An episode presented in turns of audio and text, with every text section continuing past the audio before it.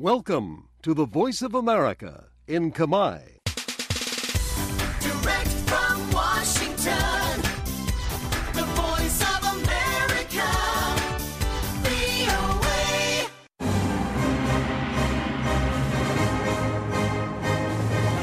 សួស្តីប្រិយមិត្តអ្នកស្ដាប់ជាទីមេត្រី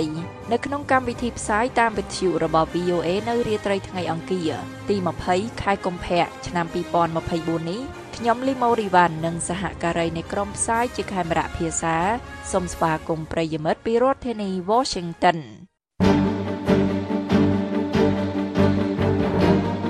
ជាកិច្ចចាប់ផ្ដើមលោកជ្រាវណ្ណរិទ្ធនឹងជូនដើមរឿងព័ត៌មានសំខាន់សំខាន់ៗការបោះឆ្នោតរបស់ក្រុមប្រឹក្សាសន្តិសុខអង្គការសហប្រជាជាតិលើកបទឈប់បាញ់នៅហ្គាហ្សាប្រឈមនឹងការជំទាស់ពីអាមេរិករុស្ស៊ីអាចប្រឈមនឹងទណ្ឌកម្មថ្មីក្រោយមរណភាពរបស់លោកណាល់វ៉ានី លោក Blinken ធ្វើដំណើរទៅប្រេស៊ីលនិងអាសង់ទីននៅពេលដែលលោកលូឡាធ្វើជាប្រធាន G20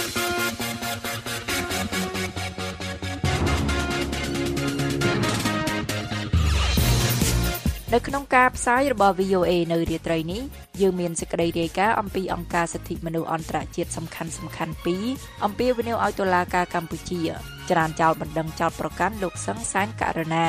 អ្នកការពារសិទ្ធិកម្មករ Naga World ស្នើឲ្យអ្នកគ្រប់គ្រងក្រុមហ៊ុន បញ្ឈប់ការដាក់សម្ពាធលើសមាជិកសហជីពហើយនឹងសេចក្តីរាយការណ៍អំពីយុទ្ធនាការរបស់លោក Biden ចាប់ផ្ដើមប្រើ TikTok ទោះជាមានការព្រួយបារម្ភខាងសន្តិសុខក៏ដោយ លោកអ្នកនាងនឹងបានស្ដាប់សេចក្តីរាយការណ៍ទាំងនេះនិងសេចក្តីរាយការណ៍ផ្សេងទៀតក្រោយព័ត៌មានអន្តរជាតិដែលនាំមកជូនដោយលោកជ្រាវណ្ណរិទ្ធចាសសូមអញ្ជើញលោកវណ្ណរិទ្ធបាទអរគុណ យោធាអ៊ីស្រាអែលបានរាយការណ៍នៅថ្ងៃអង្គារនេះពីការប្រយុទ្ធគ្នាដ៏ខ្លាំងក្លានៅក្នុងតំបន់ខណ្ឌយូនីសនៃតំបន់ហ្គាហ្សាស្របពេលដែលក្រុមប្រឹក្សាសន្តិសុខអង្គការសហប្រជាជាតិត្រៀមបោះឆ្នោតលើសេចក្តីសម្រេចមួយដែលព្រៀងឡើងដោយប្រទេសអាល់ហ្សេរីដើម្បីអំពាវនាវឲ្យមានបទឈប់បាញ់គ្នាជាបន្ទាន់ការបង្កើនលទ្ធភាពទទួលបានជំនួយនិងការប្រឆាំងនឹងការបង្ខំឲ្យជនជាតិប៉ាឡេស្ទីនផ្លាទី អាយការដ្ឋទូតសហរដ្ឋអាមេរិកប្រចាំអង្គការសហប្រជាជាតិអ្នកស្រី Linda Thomas Greenfield បាននិយាយថាសហរដ្ឋអាមេរិកនឹងប្រើសិទ្ធិវេតូប្រឆាំងរបស់ខ្លួននៅក្រុមប្រឹក្សាសន្តិសុខអង្គការសហប្រជាជាតិដើម្បីរារាំងសេចក្តីសម្រេចនេះអ្នកស្រីថាសេចក្តីសម្រេចនេះអាចប៉ះពាល់ដល់កិច្ចប្រឹងប្រែងសម្រុះសម្រួលចំនួននៅមុនការបោះឆ្នោតរបស់ក្រុមប្រឹក្សាសន្តិសុខអង្គការសហប្រជាជាតិនេះសហរដ្ឋអាមេរិកបានចែកចាយសេចក្តីព្រៀងសេចក្តីសម្រេចរបស់ខ្លួនផ្ទាល់ទៅកាន់សមាជិកក្រុមប្រឹក្សានេះ សេចក្តីព្រៀងសេចក្តីសម្រេចរបស់សហរដ្ឋអាមេរិកនេះដែល VOA ទទួលបានបានសង្កត់ធ្ងន់លើការដោះលែងចំណាប់ខ្មាំងដែលក្រុមហាម៉ាស់ចាប់ឃុំនិងបានបញ្ជាក់អំពីតម្រូវការបន្ទាន់នៅផែនការដែលអាចធ្វើបានមួយដើម្បីការពារជនស៊ីវិលពីការវាយប្រហាររបស់អ៊ីស្រាអែលនៅក្នុងទីក្រុងរ៉ាហ្វានៅភាគខាងត្បូងតំបន់ហ្គាហ្សាសំណើរបស់សហរដ្ឋអាមេរិកនេះគូបញ្ជាក់ថាការវាយប្រហារតាមផ្លូវគោក ទ្រង់ទ្រាយធំដូចនេះមិនគួរធ្វើឡើងនៅក្រោមស្ថានភាពបច្ចុប្បន្ននេះទេនឹងបានច្រានចោលនៅកិច្ចប្រឹងប្រែងផ្សេងផ្សេងទៀតណាមួយដែលបង្ខំឲ្យជនជាតិប៉ាឡេស្ទីននៅក្នុងតំបន់ហ្គាហ្សាឲ្យផ្លាស់ទីសហរដ្ឋអាមេរិកមិនមានផែនការថានឹងស្នើសេចក្តីសម្រេចរបស់ខ្លួនដល់ក្រុមប្រឹក្សាសន្តិសុខអង្គការសហប្រជាជាតិនៅពេលណានោះទេមន្ត្រីជាន់ខ្ពស់សហរដ្ឋអាមេរិកម្នាក់បាននិយាយថា សហរដ្ឋអាមេរិកនឹងទុកពេលឲ្យក្រុមប្រឹក្សាសន្តិសុខនេះចរចាលើអត្ថបទនៃសេចក្តីសម្រេចនេះសិនបើគ្មានផែនការស្នើឲ្យមានហើយគ្មានផែនការស្នើឲ្យមានការបោះឆ្នោតបន្ទាន់ណាមួយឡើយការចរចាសប្តាហ៍កន្លងមករវាងសហរដ្ឋអាមេរិកអេស៊ីបនិងកាតាមិនបានសម្រេចបានកិច្ចព្រមព្រៀងណាមួយដើម្បីបញ្ឈប់ការប្រយុទ្ធគ្នាក្នុងតំបន់ហ្គាហ្សានិងធ្វើឲ្យមានការដោះលែងចំណាប់ខ្មាំងនោះទេអ៊ីស្រាអែលបានប្រមានថាខ្លួនមានផែនការវាយប្រហារលើទីក្រុងរ៉ាហ្វានៅភាគខាងត្បូងតំបន់ហ្គាហ្សាជាប់ព្រំដែនប្រទេសអេស៊ីប នៅក្នុងទីក្រុងនេះជនជាតិប៉ាឡេស្ទីនប្រហែល1លាន5សែននាក់កំពុងច្រកកោនដើម្បីសុវត្ថិភាពមន្ត្រីអ៊ីស្រាអែលថាប្រតិបត្តិការក្នុងទីក្រុងរ៉ាហ្វាគឺចាំបាច់ដើម្បីគោលដៅវាយប្រហារលើសមាជិកក្រុមហាម៉ាស់នៅទីនោះ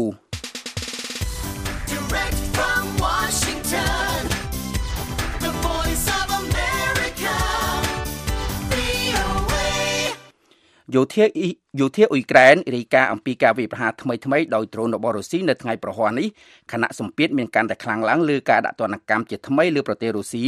ជំវិញការស្លាប់របស់មេដឹកនាំបកប្រឆាំងរុស្ស៊ីលោកណាលោកអេលេកស៊ីណាល់វ៉ានីក្នុងពន្ធនាគារកងកម្លាំងការពារដែនអាកាសអ៊ុយក្រែននិយាយថាប្រព័ន្ធការពារដែនអាកាសរបស់ខ្លួនបានបាញ់ទម្លាក់ដ្រូនរុស្ស៊ីទាំង23គ្រឿងដែលបានវាយប្រហារនោះ ការស្ទាក់បាញ់ទម្លាក់ដ្រូនរុស្ស៊ីទាំងនេះត្រូវបានធ្វើឡើងនៅលើតំបន់ជាក្រិតជាច្រើនក្នុងប្រទេសអ៊ុយក្រែនដែលរួមមានតំបន់ Kharkiv តំបន់ Dnipropetrovsk តំបន់ Kherson និងតំបន់ Mykolaiv ការវាយប្រហាររបស់រុស្ស៊ីក៏រួមមានមីស៊ីលនាំផ្លូវ4គ្រាប់ផងដែរគេនៅមិនទាន់ឃើញមានរបាយការណ៍ភ្លាមភ្លាមស្ដីពីការខូចខាតឬមនុស្សរងគ្រោះនោះឡើយនាយករដ្ឋមន្ត្រីអ៊ុយក្រែនលោក Danny Samhol បានជំរុញដល់ប្រទេសជប៉ុននិងសហភាពអឺរ៉ុបនៅថ្ងៃច័ន្ទនេះឲ្យដាក់ទណ្ឌកម្មជាថ្មីទៀតដល់ប្រទេសរុស្ស៊ី ប្រធានគោលនយោបាយការបរទេសសហភាពអឺរ៉ុបលោក Joseph Borrell និយាយនៅថ្ងៃច័ន្ទនេះថាប្រធានាធិបតីរុស្ស៊ីលោក Vladimir Putin នឹងត្រូវដាក់ឲ្យទទួលខុសត្រូវលើការស្លាប់មេដឹកនាំបកប្រឆាំងរុស្ស៊ីលោក Navalny ប្រធានាធិបតីសារ៉ាមេរិកលោកโจ Biden និយាយកាលពីថ្ងៃច័ន្ទថារដ្ឋបាលរបស់លោកកំពុងពិចារណាដាក់ទណ្ឌកម្មបន្ថែមលើរុស្ស៊ីហើយលោកបានស្ដីបន្ទោសប្រធានាធិបតីរុស្ស៊ីលោក Vladimir Putin និងជនដៃដល់របស់មេដឹកនាំរុស្ស៊ីរូបនេះជុំវិញការស្លាប់របស់លោក Navalny កាលពីសប្តាហ៍មុនការស្លាប់របស់លោក Navalny កើតមានឡើង នៅពេលដែលលោក Biden កំពុងប្រឹងប្រែងដើម្បីជំនួយឲ្យមានការអនុម័តកញ្ចប់ថវិកាជំនួយ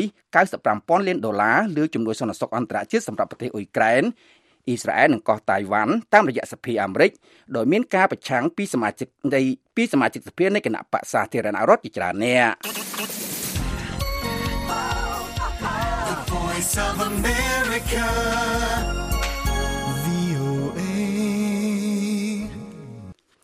រដ្ឋមន្ត្រីក្រសួងការបរទេសសហរដ្ឋអាមេរិកលោក Anthony Blinken ធ្វើដំណើរទៅកាន់ប្រទេសប្រេស៊ីលនិងអាសង់ទីននៅថ្ងៃអង្គារនេះដើម្បីធ្វើការចរចានិងជំរុញទំនាក់ទំនងជាមួយពួកមេដឹកនាំដែលមានគំនិតឯករាជ្យមកពីប្រទេសទាំងពីរខណៈដែលលោកចូលរួមជំនួយខណៈដែលលោកចូលរួមជំនួបរបស់រដ្ឋមន្ត្រីការបរទេសរបស់ប្រទេសដែលមានសេដ្ឋកិច្ចជឿនលឿនទាំង20ឬ G20 នៅក្នុងទីក្រុង Rio de Janeiro ដោយរដ្ឋមន្ត្រីការបរទេសរុស្ស៊ីលោក Sergei Lavrov ក៏ត្រូវគេរំពឹងថានឹងចូលរួមជំនួបរបស់ក្រុមប្រទេស G20 ដែរគឺអាចនឹងមានជំនួបទល់មុខគ្នាដ៏កម្រមួយរវាងប្រមុខការទូតជាន់ខ្ពស់ទាំងពីរដំណើរទស្សនកិច្ចរបស់លោក Blinken ទៅកាន់ប្រទេសប្រេស៊ីលនិងអាសង់ទីននឹងក្លាយជាដំណើរទស្សនកិច្ចលើកទី1របស់លោកជាអ្នកការទូតជាន់ខ្ពស់របស់សហរដ្ឋអាមេរិកលោក Blinken នឹងជួបជាមួយប្រធានាធិបតីប្រេស៊ីលលោក Luiz Inácio Lula da Silva នៅក្នុងរដ្ឋធានី ប្រាស៊ីលីយ៉ានិងប្រធានាធិបតីថ្មីអាសង់ទីនលោក Javier Milei នៅក្នុងរដ្ឋធានី Buenos Aires ដើម្បីពិភាក្សាបញ្ហាទ្វេភាគីនិងបញ្ហាសកលលោកក្រសួងការបរទេសអាមេរិកបានបញ្ជាក់ថាលោក Blinken នឹងបញ្ជាក់ពីការគ្រប់គ្រងរបស់សហរដ្ឋអាមេរិកសម្រាប់តំណែងប្រធានរបស់ប្រេស៊ីលនៅក្នុងក្រុម G20 ភាពជាដៃគូរវាងសហរដ្ឋអាមេរិកនិងប្រេស៊ីល សម្រាប់សិទ្ធិកម្មករកិច្ចប្រតិបត្តិការស្ដីពីអន្តរការធម្មពលស្អាតនិងពិធីបុណ្យរំលឹកទំនាក់ទំនងការទូត200ឆ្នាំរវាងប្រទេសទាំងពីរលោក Blinken ក៏មានគម្រោងពិភាក្សាបេសកកម្មគាំទ្រសន្តិសុខភូមិជាតិនៅក្នុងប្រទេសហៃទីជាមួយដៃគូ G20 នៅខាងក្រៅជំនួបដោះស្រាយការអំពាវនាវរបស់ប្រជាពលរដ្ឋហៃទីឲ្យជួយស្ដារឡើងវិញនៅសន្តិសុខនិងស្ថិរភាព បន្ទាប់ពីដំណើរទស្សនកិច្ចរបស់លោកមីលេកាលពីពេលថ្មីថ្មីនេះទៅកាន់ប្រទេសពេលទៅកាន់ប្រទេសអ៊ីស្រាអែលមន្ត្រីជាន់ខ្ពស់ម្នាក់របស់សហរដ្ឋអាមេរិកបាននិយាយថាលោក Blinken នឹងចូលរួមការពិភាក្សាជាមួយលោកមីលេចំពោះការធ្វើឲ្យជាលឿនទៅមុខរវាងអ៊ីស្រាអែលនិងតំបន់កាហ្សាប្រធានបទផ្សេងទៀតដែលស្ថិតនៅលើរបៀបវរៈរួមមានរ៉ែសំខាន់សំខាន់និងការរីកលូតលាស់សេដ្ឋកិច្ចប្រកបដោយចីរភាព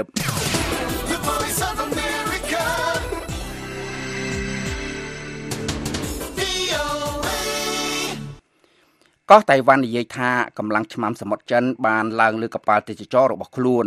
ឆ្មាំសមុទ្រតៃវ៉ាន់និយាយថាកប៉ាល់ទេសចររបស់ខ្លួនមួយគ្រឿងដែលមានដឹកអ្នកដំណើរនិងក្រុមអ្នកបើកបរចំនួន34នាក់ត្រូវបានកងកម្លាំងឆ្មាំសមុទ្រចិនបានឡើងទៅលើនោះប្រមាណជាង30នាទីខណៈកប៉ាល់មួយគ្រឿងនេះកំពុងដឹកក្រុមអ្នកទេសចរជិះមើលទេសភាពនៅជិតប្រជុំកោះ Kinmen ដែលស្ថិតមិនដែលស្ថិតនៅមិនឆ្ងាយប៉ុន្មានពីទីក្រុងឆ្នេរសមុទ្រសៀមិននៅភាគខាងត្បូងប្រទេសចិននៅស្ថិតក្រោមការគ្រប់គ្រងរបស់កោះតៃវ៉ាន់ លោកគួនប៊ីលីងប្រធានគណៈប្រឹក្សាកិច្ចការសមុទ្រតៃវ៉ាន់បានប្រាប់ក្រុមអ្នកសារព័ត៌មានកាលពីថ្ងៃអង្គារក្នុងទីក្រុងតៃប៉េថាសកម្មភាពរបស់ឆ្មាំសមុទ្រចិននេះបានធ្វើឲ្យប៉ះពាល់ដល់អារម្មណ៍អ្នកទេសចរនិងបង្កើតឲ្យមានភាពភ័យស្លន់ស្លោព្រមទាំងប្រឆាំងទៅលើផលប្រយោជន៍នៃភាគីទាំងពីរក្នុងច្រកសមុទ្រតៃវ៉ាន់ផងដែរដែលជាផ្លូវទឹកដែលមានទទឹង160គីឡូម៉ែត្រដែលខណ្ឌចែករវាងប្រទេសចិនដីគោកនិងកោះតៃវ៉ាន់ ឧបទ្ហេតុកាលពីថ្ងៃច័ន្ទកើតមានឡើងតែប្រមាណថ្ងៃប៉ុណ្ណោះក្រោយពីអ្នកទេសចរចិន2នាក់បានលង់ទឹកក្រោយទូកនេសាទចិនមួយគ្រឿងបានកលាប់លេចក្នុងការពេលព្យាយាមរត់គេចពីកងកម្លាំងឆ្មាំសមុទ្របន្ទាប់ពីបានចូលទៅក្នុងតំបន់ទឹកហាមឃាត់នៅជិតប្រជុំកោះ Kinmen ចំណែកអ្នកនេសាទ2នាក់ទៀតនៅលើទូកនោះត្រូវបានចាប់ឃាត់ខ្លួនក្នុងរឿងដាច់ដライមួយទៀតគណៈបកកណ្ដាលអំណាចរបស់ប្រទេសហុងហ្គ្រីបានស្នើទៅថ្ងៃអង្គារនេះ ឲ្យធ្វើការបោះឆ្នោតនៅថ្ងៃទី26ខែកុម្ភៈខាងមុខអំពីការផ្ដល់សច្ចាប័នលើពាក្យស្នើសុំរបស់ប្រទេសស៊ុយអែតក្នុងការចូលជាសមាជិករបស់អង្គការអូតង់និងបានបញ្ជាក់ថាខ្លួននឹងគាំទ្រសមាជិកភាពរបស់ស៊ុយអែតនៅក្នុងអង្គការនេះរដ្ឋមន្ត្រីការពិចិត្រស៊ុយអែតលោក Paul Johnson បាននិយាយថ្ងៃអង្គារនេះថានេះគឺជាដំណឹងគួរឲ្យស្វាគមន៍បំផុតស៊ុយអែតបានដាក់ពាក្យសុំចូលជាសមាជិកអង្គការអូតង់កាលពីខែឧសភាឆ្នាំ2022ដើម្បីឆ្លើយតបទៅនឹងការឈ្លានពានរបស់រុស្ស៊ីលើអ៊ុយក្រែន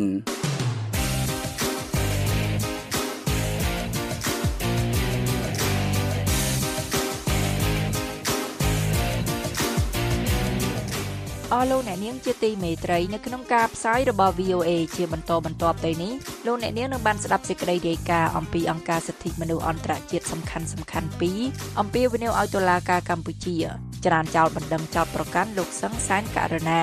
អ្នកការពារសិទ្ធិកម្មករ Naga World ស្នើឲ្យអ្នកគ្រប់គ្រងក្រុមហ៊ុនបញ្ឈប់ការដាក់សម្ពាធលើសមាជិកសហជីពហើយនឹងសេចក្តីរាយការណ៍អំពីយុទ្ធនាការរបស់លោក Biden ចាប់ផ្ដើមប្រើ TikTok ទោះជាមានការព្រួយបារម្ភខាងសន្តិសុខក៏ដោយហើយនៅក្នុងការផ្សាយ30នាទីចុងក្រោយរបស់យើងខ្ញុំយើងមានសេចក្តីរាយការណ៍អំពីអ្នកកាសែតដែលយកព័ត៌មានក្នុងតំបន់ West Bank តែងជួបការប្រឈម សមាជិកសភាអាមេរិកសច្ចារារាំងអត្តពលកុម្មុយនីដោយវាយប្រហារចិននិងប្រទេសខ្លះថាពាក់ព័ន្ធនឹងការស្លាប់មនុស្សរាប់លាននាក់លោក Alexei Navalny ដែលជាអ្នករិះគន់របបដឹកនាំនៅរុស្ស៊ីឥតសំចៃមាត់គឺជានិមិត្តរូបនៃការតស៊ូសម្រាប់ពលរដ្ឋរុស្ស៊ីអ្នកកាន់ទុកត្រូវបានចាប់ខ្លួនដោយសារដាក់ផ្កាគោរពវិញ្ញាណក្ខន្ធលោក Navalny ដែលជាមេដឹកនាំប្រឆាំងនៅរុស្ស៊ីហើយនឹងសេចក្តីរាយការណ៍អំពីអ៊ុយក្រែនបង្វឹកសុនកឲ្យចូលរួមក្នុងបេសកកម្មប្រយុទ្ធ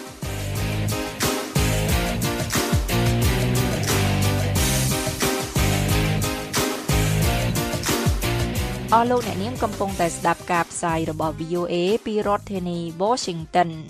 អង្គការអន្តរជាតិថ្នាក់តំបន់ចំនួន2ដែលធ្វើការលើការគោរពសិទ្ធិមនុស្សចេញសេចក្តីថ្លែងការណ៍រួមមួយដោយអំពាវនាវឲ្យតុលាការក្រុងភ្នំពេញច្រានចោលបណ្ដឹងបរិហាកេដែលគេគិតថាជាប់ហេតុផលនយោបាយប្រឆាំងនឹងលោកសឹងសែនករណាមន្ត្រីជាន់ខ្ពស់នៃសមាគមការពារសិទ្ធិមនុស្សអាត6អង្គការអន្តរជាតិទាំងពីរនេះថា បណ្ដឹងប្រឆាំងលោកសឹងសែនករណាគឺគ្រាន់តែបញ្ជាក់ឡើងវិញនៅស្ថានភាពសិទ្ធិមនុស្សដែលកំពុងតែធ្លាក់ចុះដុនដាបខ្លាំងនៅកម្ពុជា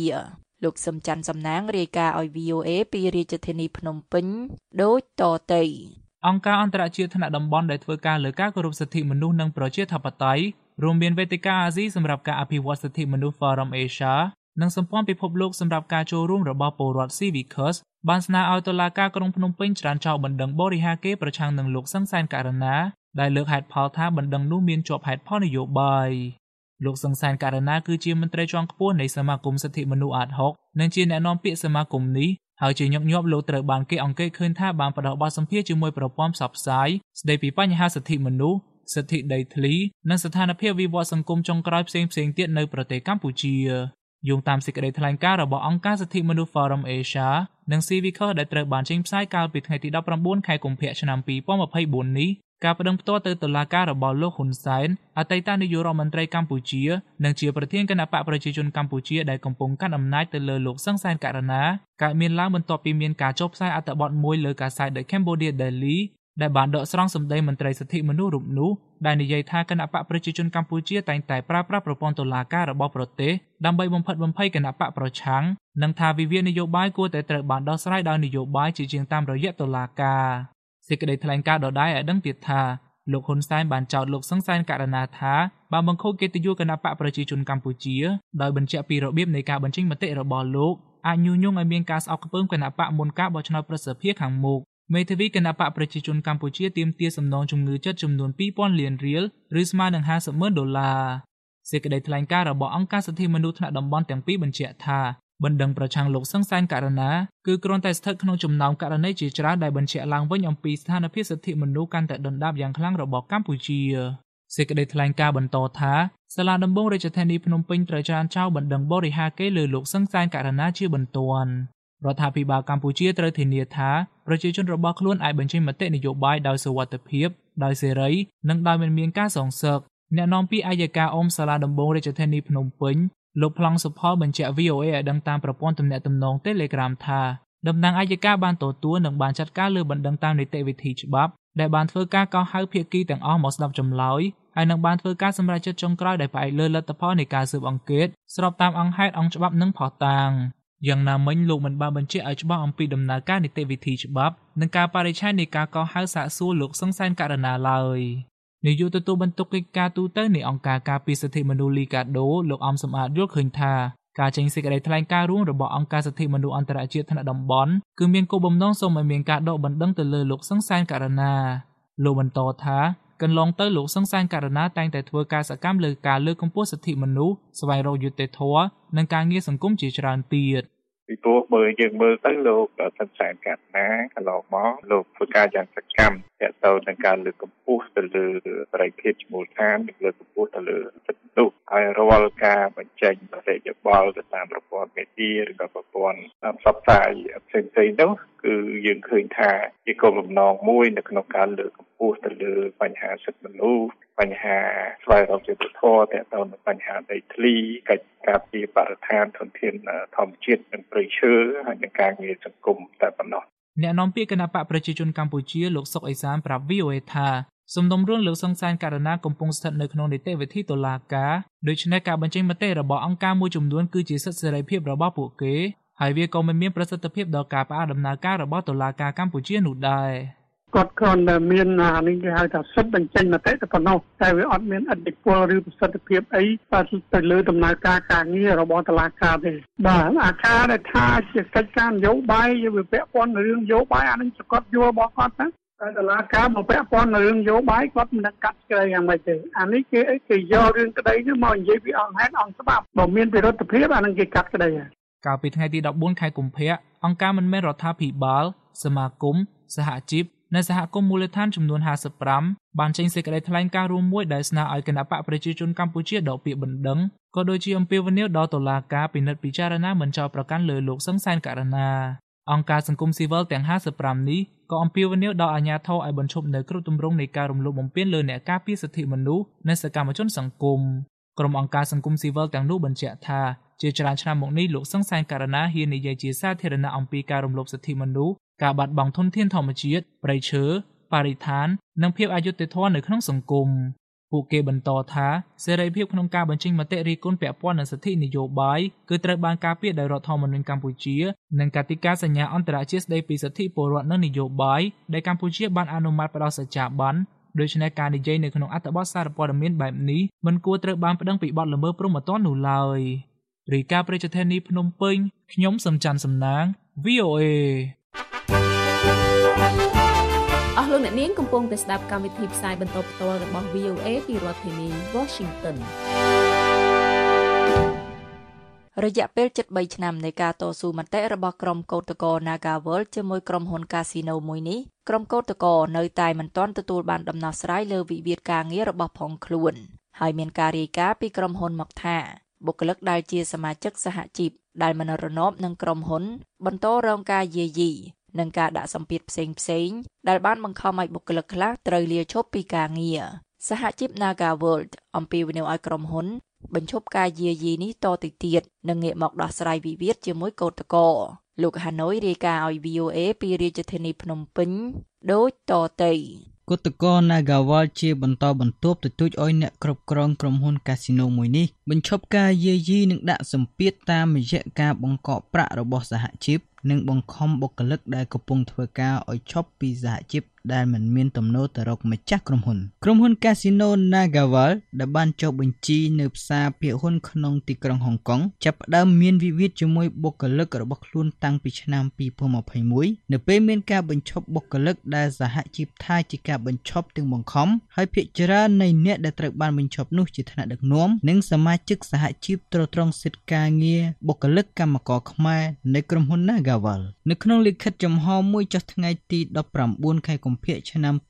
2024តំណាងគឧតកោលើកឡើងថាយើងខ្ញុំស្នើដល់លោកនាយកអ្នកគ្រប់គ្រង Nagawal សូមបញ្ឈប់សកម្មភាពដែលបង្កើតភាពអាម៉ាស់ផ្សេងផ្សេងក្នុងកំណត់ត្រាប្រវត្តិសាស្ត្របង្វែរមុខជាការគោរពសិទ្ធិលៀងប្រវត្តិសាស្ត្រកន្លងផុតបង្កើតប្រវត្តិសាស្ត្រថ្មីដោយការគោរពស្មារតីនៃច្បាប់យើងខ្ញុំជឿជាក់ថាការគោរពសិទ្ធិសេរីភាពសហជីពមិនមែនធ្វើឲ្យក្រុមហ៊ុនបាត់បង់អត្ថប្រយោជន៍នោះឡើយ ផ្ទុយទៅវិញ បានគេឈ្មោះទាំងក្នុងបច្ចុប្បន្ននឹងមានប្រវត្តិសាស្ត្រល្អនាពេលខាងមុខក្រៅពីនេះលិខិតចំហរបស់សហជីពត្រួតត្រងសិទ្ធិការងារបុគ្គលិកកម្មករខ្មែរនៃក្រុមហ៊ុន Nagawa ក៏បានលើកឡើងពីការជិតជ្រែករបស់ក្រសួងការងារនិងស្ថាប័នរដ្ឋផ្សេងទៀតដើម្បីរារាំងសកម្មភាពរបស់ពួកគេលិខិតចំហបញ្ជាក់ថា ជាហូហែមានការចោទប្រកាន់លៀបពួរមកលើថ្នាក់ដឹកនាំសហជីពត្រូវបានជប៉ុនធនាគារ11នាក់បន្តបន្ទាប់ទៀតក៏មានការចោទប្រកាន់កោះហៅទៅសួរនាំចំពោះកម្មករនិយោជិតដែលកំពុងតែធ្វើកតកម្មផងដែរ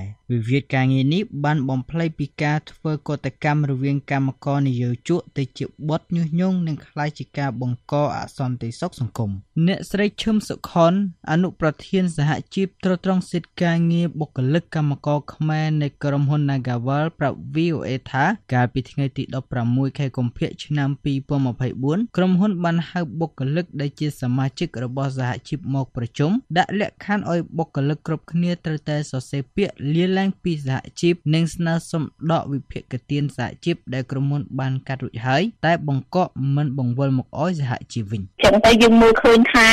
អាទង្វើបែបហ្នឹងគឺជាទង្វើវាអត់អត់ត្រូវច្បាប់គឺជាទង្វើដែលក្រុមហ៊ុនបង្ខិតបង្ខំសមាជិកឲ្យរីសានចេញពីសហជីពចឹងទៅបានយើងចេញលិខិតចំហហ្នឹងអូនបើតាមអ្នកស្រីសុខន សេចក្តីណែនាំឬក៏លិខិតលេខ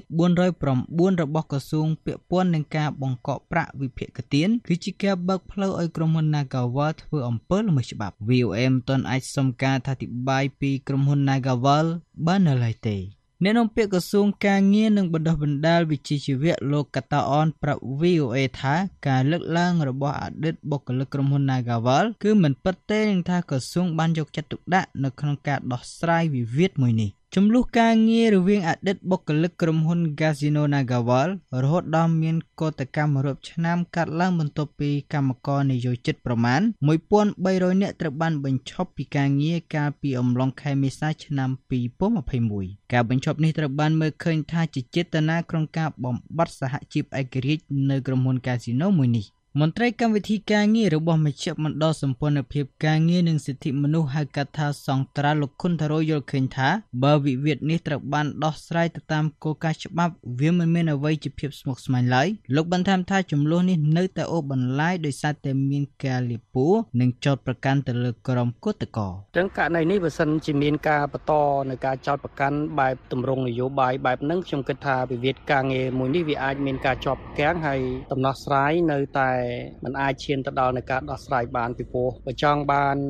នៅដំណោះស្រាយមួយសមស្របអ្វីដែលសំខាន់គឺការស៊ើបអង្កេតឲ្យបានច្បាស់លាស់ហើយដើម្បីមានភាពច្បាស់លាស់ហ្នឹងគឺទៅសួរពួកគាត់ដែលជាកោតក្រទៅដែលគាត់នៅបន្តធ្វើកោតកម្មហ្នឹង ម្នាក់ម្នាក់ដែលគាត់មិនបោះបង់ចោលហ្នឹងគឺយើងត្រូវទៅស្ដាប់នៅការទៀមទារបស់ពួកគាត់អតីតនាយករដ្ឋមន្ត្រីលោកហ៊ុនសែនធ្លាប់លើកឡើងថាលោកមិនខ្វល់នឹងការតវ៉ារបស់ក្រុមកោតក្រ Nagawal នោះទេដោយចោទថាពួកគេមានអ្នកនៅពីក្រោយទើបអាចតវ៉ាបានច្រើនឆ្នាំមកនេះក្នុងសំណុំរឿងកោតកម្មនៅក្រុមហ៊ុន Nagawal នេះតុលាការរាជធានីភ្នំពេញកាលពីខែឧសភាឆ្នាំ2023បានកាត់ទោសកញ្ញាឈឹមស៊ីថមេដឹកនាំសហជីពត្រត្រង់សិទ្ធិការងារបុគ្គលិកកម្មករខ្មែរនៃក្រុមហ៊ុន Nagavel ឲ្យជាប់ពន្ធនាគារ2ឆ្នាំពីបទញុះញង់បង្កឲ្យមានភាពវឹកវរធ្ងន់ធ្ងរដល់សន្តិសុខសង្គមពាក់ព័ន្ធនឹងការតវ៉ារបស់កញ្ញាកាលពីកន្លងទៅរីកាពីរាជធានីភ្នំពេញខ្ញុំហាណូយ VOA VOA ទោះបីជារដ្ឋបាលរបស់លោក Biden បានបន្តលើកឡើងអំពីការព្រួយបារម្ភអំពីសវត្ថិភាពក្នុងការប្រើកម្មវិធីប្រព័ន្ធផ្សព្វផ្សាយសង្គមដ៏ពេញនិយម TikTok ក៏ដោយក៏យុទ្ធនាការឃោសនារកសម្លេងឆ្នោតសម្រាប់អាណត្តិទី2របស់លោក Biden បានចាប់ផ្ដើមប្រើ TikTok នេះកាលពីថ្ងៃទី11ខែកុម្ភៈកន្លងទៅនេះទីភ្នាក់ងារសារព័ត៌មាន AP រាយការណ៍អំពីរឿងនេះពីរដ្ឋធានី Washington ខ្ញុំលីម៉ូរីវ៉ាន់ជូនសេចក្តីប្រាយសម្រួលដូចតទៅ យុទ្ធនាការឃោសនារកសម្លេងឆ្នោតសម្រាប់អាណត្តិទី2របស់លោកប្រធានាធិបតី Joe Biden កាលពីថ្ងៃទី12ខែកុម្ភៈកន្លងទៅនេះបានការពារគណនីបណ្ដាញសង្គម TikTok ថ្មីរបស់ខ្លួនថាវាជាមធ្យោបាយសំខាន់ក្នុងការជំរុញការតាក់ទាញរបស់ខ្លួនដល់អ្នកបោះឆ្នោតវ័យក្មេងទោះបីជារដ្ឋបាលរបស់លោកបានបន្តលើកឡើងអំពីការព្រួយបារម្ភអំពីសវត្ថិភាពដែលថាតើកម្មវិធីប្រព័ន្ធផ្សព្វផ្សាយសង្គមដ៏ពេញនិយមនេះ អាចចែករំលែកទិន្នន័យរបស់អ្នកប្រើប្រាស់ជាមួយរដ្ឋាភិបាលកុម្មុយនីសចិនដែរឬទេយុទ្ធនាការរបស់លោក Biden បានចាប់ផ្ដើមប្រើ TikTok នេះដោយបង្ហាញពីលោកប្រធានាធិបតីដែលត្រូវបានគេសាកសួរនៅឯការប្រកួតផ្ដាច់ព្រាត់កីឡាហ្វុតបលអាមេរិក Super Bowl កាលពីថ្ងៃទី11ខែកុម្ភៈហើយមានរួមបញ្ចូលនៅទ្រឹស្ដីខុបខិតខាងនយោបាយដែលផ្ដោតលើតារាចម្រៀងដ៏ល្បីឈ្មោះគឺនាង Taylor Swift លោក Rob Flaherty អនុប្រធានគ្រប់គ្រងយុទ្ធនាការសម្រាប់អាណត្តិទី2របស់លោក Biden នេះបាននិយាយនៅក្នុងសេចក្តីថ្លែងការណ៍មួយថាការបង្ហាញខ្លួនជាលើកដំបូងនៅលើ TikTok របស់លោកប្រធានាធិបតីកាលពីយប់មិញដោយមានការមើលច្រើនជាង5លានដង ហើយចំនួននៃការមើលនឹងកើនឡើងទៀតនោះគឺជាភស្តុតាងវិជ្ជមាននៃការបដិញ្ញាចិត្តនិងភាពជោគជ័យរបស់យើងក្នុងការស្វែងរកវិធីច្នៃប្រឌិតថ្មីដើម្បីឈោងទៅដល់អ្នកបោះឆ្នោតនៅក្នុងបរិយាកាសប្រព័ន្ធផ្សព្វផ្សាយដែលមានការវិវត្ត ការបែងចែកជាច្រើននិងមានលក្ខណៈផ្ទាល់ខ្លួនកាន់តែខ្លាំងឡើងក៏ប៉ុន្តែទោះបីជាយ៉ាងនេះក៏ដោយនៅឯសេតវិមានអ្នកនាំពាក្យក្រុមប្រឹក្សាសន្តិសុខជាតិសហរដ្ឋអាមេរិកលោក John Kirby បាននិយាយថានៅតែមានការព្រួយបារម្ភអំពីសន្តិសុខជាតិអំពីការប្រើប្រាស់ TikTok នៅលើឧបករណ៍របស់រដ្ឋាភិបាលហើយมันមានការផ្លាស់ប្ដូរចំពោះគោលនយោបាយរបស់យើងដែលមិនអនុញ្ញាតឲ្យប្រើនោះទេ លោក Kirby បានបង្វែរសំណួរភាកច្រើនអំពីការប្រើប្រាស់ TikTok ទៅកាន់យុទ្ធនាការរបស់លោក Biden ជាអ្នកឆ្លើយហើយជាវៀងមិនឆ្លើយសំណួរទូទៅមួយអំពីថាតើការប្រើកម្មវិធីនេះជារឿងវៃឆ្លាតដែរឬទេលោកបាននិយាយថាបញ្ហាសវត្ថភាពដែលអាចកើតមាន គឺពាក់ព័ន្ធទៅនឹងការបារម្ភអំពីការរក្សាទុកទិន្នន័យនិងការប្រើប្រាស់ទិន្នន័យនិងព័ត៌មានឯកជនភាពមិនត្រឹមត្រូវដោយជនបរទេសទាំងការិយាល័យស៊ើបអង្កេតសហព័ន្ធ FBI និងគណៈកម្មការគមនាគមន៍សហព័ន្ធបានប្រមានថាក្រុមហ៊ុនបច្ចេកវិទ្យាចិន ByteDance ដែលជាម្ចាស់ TikTok អាចចែករំលែកទិន្នន័យរបស់អ្នកប្រើប្រាស់ដូចជាប្រវត្តិរករក ទីតាំង និងអត្តសញ្ញាណជីវម៉ាតជាមួយរដ្ឋាភិបាលផ្ដាច់ការរបស់ប្រទេសនោះនៅក្នុងឆ្នាំ2022លោក Biden បានចុះហត្ថលេខាលើច្បាប់ហាមឃាត់បុគ្គលិកជិត4លាននាក់របស់រដ្ឋាភិបាលសហព័ន្ធមិនឲ្យប្រើប្រាស់ TikTok នៅលើឧបករណ៍ដែលគ្រប់គ្រងដោយទីភ្នាក់ងាររបស់ខ្លួនដោយមានការលើកលែងមានកំណត់សម្រាប់ការអនុវត្តច្បាប់ក្នុងគោលបំណងស្រាវជ្រាវផ្នែកសន្តិសុខនិងសន្តិសុខជាតិដោយឡែកគណៈកម្មាធិការសម្ងាត់និងដ៏មានឥទ្ធិពលលើការវិនិយោគបរទេសនៅសហរដ្ឋអាមេរិកបាននឹងកំពុងពិនិត្យមើល TikTok នេះអស់ពេលជាច្រើនឆ្នាំមកហើយ ខណៈដែលព្យាយាមមិនបានជោគជ័យក្នុងការបង្ខំឲ្យម្ចាស់ TikTok ដកខ្លួនចេញពីក្រុមហ៊ុនមេរបស់ខ្លួនសេតវិមានបាននិយាយនៅថ្ងៃទី12ខែកុម្ភៈថាការត្រួតពិនិត្យឡើងវិញនេះកំពុងបន្តធ្វើដោយមានអ្នកប្រើប្រាស់ចំនួន150លាននាក់នៅសហរដ្ឋអាមេរិក TikTok ត្រូវបានគេស្គាល់ថាជាវីដេអូខ្លីៗដែលបង្ហាញពីក្បាច់រាំដែលមានប្រជាប្រិយភាពក៏ប៉ុន្តែលោក Josh Hawley សមាជិកព្រឹទ្ធសភាតំណាងរដ្ឋ Missouri ខាងគណៈបកសាធារណរដ្ឋបានបង្ហោះសារនៅលើបណ្ដាញសង្គម X ថាយុទ្ធនាការរបស់លោក Biden គឺអួតអំពីការប្រើប្រាស់កម្មវិធីអាបចារកម្មរបស់ចិនទោះបីជាលោក Biden ខ្លួនឯងបានចុះហត្ថលេខាលើច្បាប់ហាមឃាត់មិនឲ្យប្រើប្រាស់វា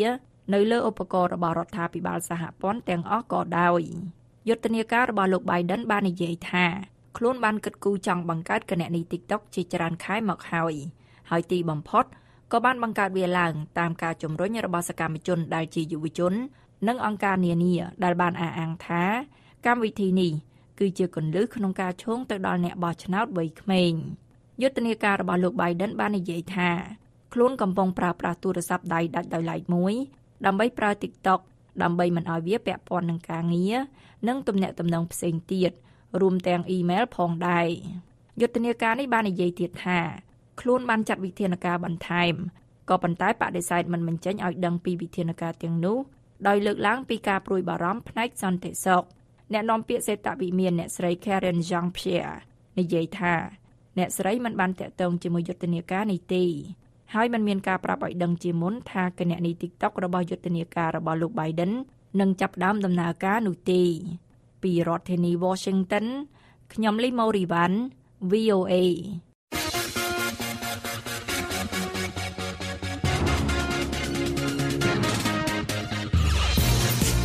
អស់លោកអ្នកនាងជាទីមេត្រីនៅក្នុងការផ្សាយរបស់ VOA ជាបន្តបន្ទាប់ទៅនេះយើងខ្ញុំមានសេចក្តីរាយការណ៍អំពីអ្នកកាសែតដែលយកព័ត៌មានក្នុងតំបន់ West Bank តែងជួបការប្រឈមសមាជិកសភាអាមេរិកសច្ចារារាំងអត្តពលកុម្មុយនីដោយវាយប្រហារចិននិងប្រទេសខ្លះថាពាក់ព័ន្ធនឹងការស្លាប់មនុស្សរាប់លាននាក់លោក Alexei Navalny ដែលជាអ្នករិះគន់របបដឹកនាំនៅរុស្ស៊ីឥតសំចៃមាត់គឺជានិមិត្តរូបនៃការតស៊ូសម្រាប់ពលរដ្ឋរុស្ស៊ីអ្នកកាន់ទុកត្រូវបានចាប់ខ្លួនដោយសារដាក់ផ្កាគោរពវិញ្ញាណក្ខន្ធលោក Navalny ដែលជាមេដឹកនាំប្រឆាំងនៅរុស្ស៊ីហើយនឹងសេចក្តីរាយការណ៍អំពីអ៊ុយក្រែនបង្វឹកសូណុកឲ្យចូលរួមក្នុងបេសកកម្មប្រយុទ្ធ